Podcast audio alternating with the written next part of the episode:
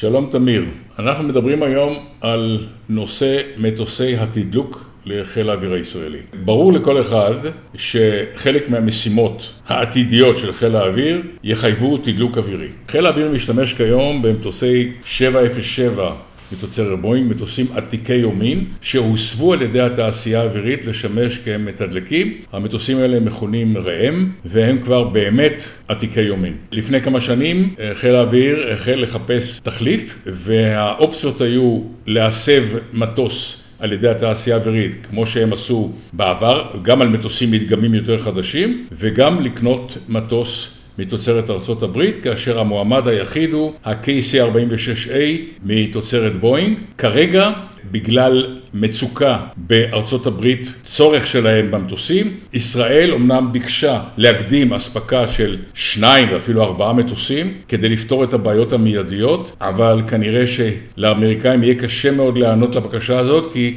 הצרכים שלהם כמובן קודמים לכל. למרות שבואינג ערוכה לייצור סדרתי של מטוסי נוסעים ומטען, החברה הזאת מתקשה לייצר את המטוסי 767 שמותאמים לנשימות צבאיות. פשוט הלקוח הרבה הרבה יותר קפדן. אה, חיל האוויר האמריקאי הזמין עד כה 179 מטוסים מהדגם הזה, ואמור להזמין עוד כמות כזאת עד סוף העשור, אבל עד עכשיו קיבל רק קצת יותר מ-40 מטוסים, פחות ממחצית הכמות שתוכננה. בינתיים הפגסוס אה, נכנס לפעילות מבצעית, אך אה, הוא עתיד להגיע לכשירות מבצעית בחיל האוויר האמריקאי רק עוד שנתיים. אה, לכן החיל הזה בוחן אה, כמה חלופות, כולל רכש מטוסים מתוצרת איירבס. שנכנסה לשיתוף פעולה עם לוקיד מרטין בנושא, ונבחנת גם אפשרות להסבת מטוסים אזרחיים למתדלקים לחיל האוויר האמריקאי. מצוקת התדלוק שם תחייב ככל הנראה רכישת עשרות מתדלקים מכל הסוגים, כנראה מכל מי שיכול לייצר או להסב מטוסים כאלה. אגב, גם הצי האמריקאי חווה מצוקת תדלוק, ושם בחרו להשתמש במתדלק בלתי מאויש, שיוכל לשחרר את מטוסי ה-F-18 אה, למשימות תקיפה והגנת כוחות. הנושא הזה הוא בעדיפות אה, גבוהה של חיל האוויר ומערכת הביטחון, אבל uh, אני חייב להגיד שהייתה פה התנהלות uh, איטית של מערכת הביטחון בניירת. אני לא רואה, לא רואה שום סיבה להתנהלות כזאת, שכן המועמד היחידי כרגע הוא המטוס מתוצרת בואינג. בשבועות האחרונים הייתה התקדמות קלה, אבל כמובן שצריך להזכיר תמיד שהאמריקאים קודם כל דואגים לעצמם, ואני לא רואה שהם הולכים לוותר על עמדות בפס הייצור עבור ישראל. בטח לא כשהם מבוקשים שניים או אפילו ארבעה מטוסים, ו...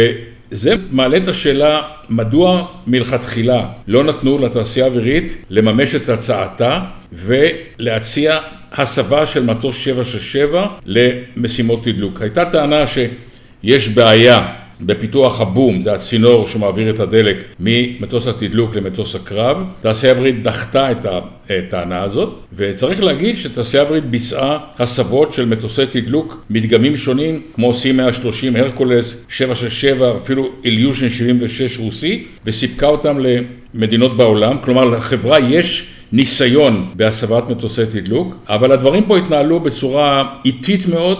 וחיל האוויר נקלע כרגע למצוקה אמיתית. אה, כן, אה, התעשייה האווירית הציעה את הזרוע הזאת, את זרוע התדלוק לחיל האוויר, ובחיל האוויר טענו שהזרוע לא בשלה, אה, לא הוכחה מבצעית כמו הזרועות, זרועות התדלוק של בואינג ואיירבאס. הזרוע הזאת אגב טסה כבר על 767, כבר בשנת 2014 אם אני לא טועה. אני מניח שמאז היא עברה עוד התקדמות. אני חושב שהצורך הישראלי והמצוקה האמריקאית פותחים לתעשייה האווירית הזדמנות נדירה להוכחת היכולת הזאת. יש לה את הטכנולוגיה, יש לה את האנשים שיודעים לפתח את הדברים ויודעים לבנות אותם, נדרש להם מטוס להוכחת היכולת. מטוס כזה חונה ממש כאן בנתב"ג, סמוך לתעשייה האווירית, אנחנו מכירים את המטוס הזה, הוא נקרא כנף ציון, מטוס ראש הממשלה. המטוס הזה לא טס, הוא טס רק טיסות כשירות, ומן הראוי שנממש את ההשקעה הגדולה שמשלם המיסים הישראלי שם עליו, ונבנה ממנו את המתדלק הראשון לחיל האוויר.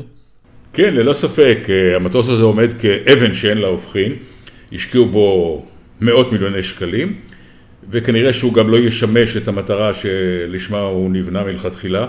ואני מסכים איתך לגמרי, תמיר, שלתעשייה האווירית יש ניסיון רב מאוד בהסבת מטוסים וגם מטוסי תדלוק, וכמו שאמרת, המצוקה של מטוסי תדלוק בעולם פותחת בפני התעשייה האווירית אה, אה, שוק פוטנציאלי גדול.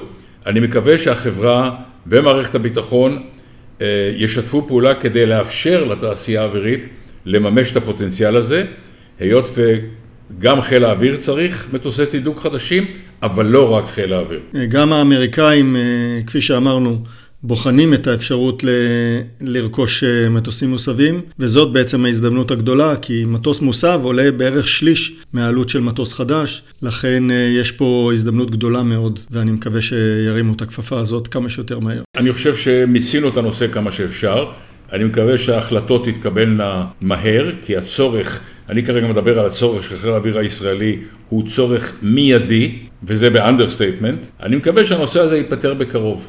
אני חושב שבזה נסכם את השיחה הזאת, ונשתמע בפודקאסטים הבאים. תודה, תמיר. להתראות, אריה.